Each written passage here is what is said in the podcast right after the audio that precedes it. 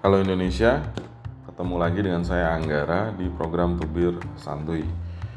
Nah, kali ini saya akan membahas soal tanggal yang cukup penting eh, dalam konteks bagaimana masyarakat Indonesia kemudian mempersiapkan sebuah negara yang eh, bernama Indonesia.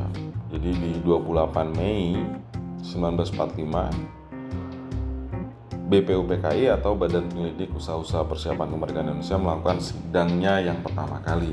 Jadi badan ini sebetulnya dibentuk pada 1 Maret 1945 oleh Panglima Tentara Jepang dan pengurus serta anggotanya diumumkan di 29 April 1945. Nah, terpilihlah eh, Bapak Rajiman Diningrat menjadi ketua dari BPUPKI. Seluruh anggotanya sih berjumlah 62 orang. Nah, sidang perdana itu bertempat di gedung yang saat ini bernama sebagai Gedung Pancasila di Kompleks Kementerian Luar Negeri di Jalan Pejambon, Jakarta.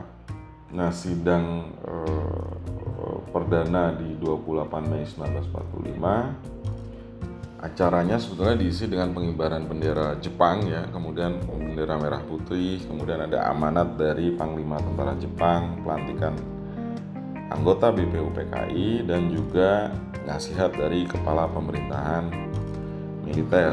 Nah, dalam sidang yang pertama yang berlangsung dari 28 Mei hingga eh, 1 Juni 1945 uh, eh, dibahas berbagai macam hal terutama mengenai eh, dasar-dasar uh, sebuah negara.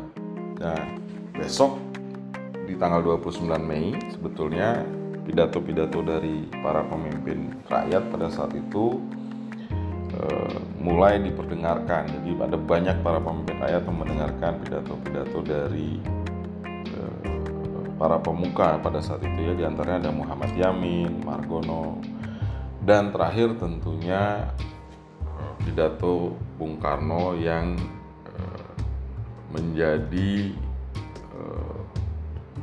tonggak dari yang namanya lahirnya Pancasila. Sekian tubir santuy kali ini. Jangan lupa untuk terus mengikuti kami di media sosial kami di Twitter, fanpage, Instagram, LinkedIn, YouTube, TikTok di Ngerti Hukum ID dan kunjungi terus website kami di Terima kasih.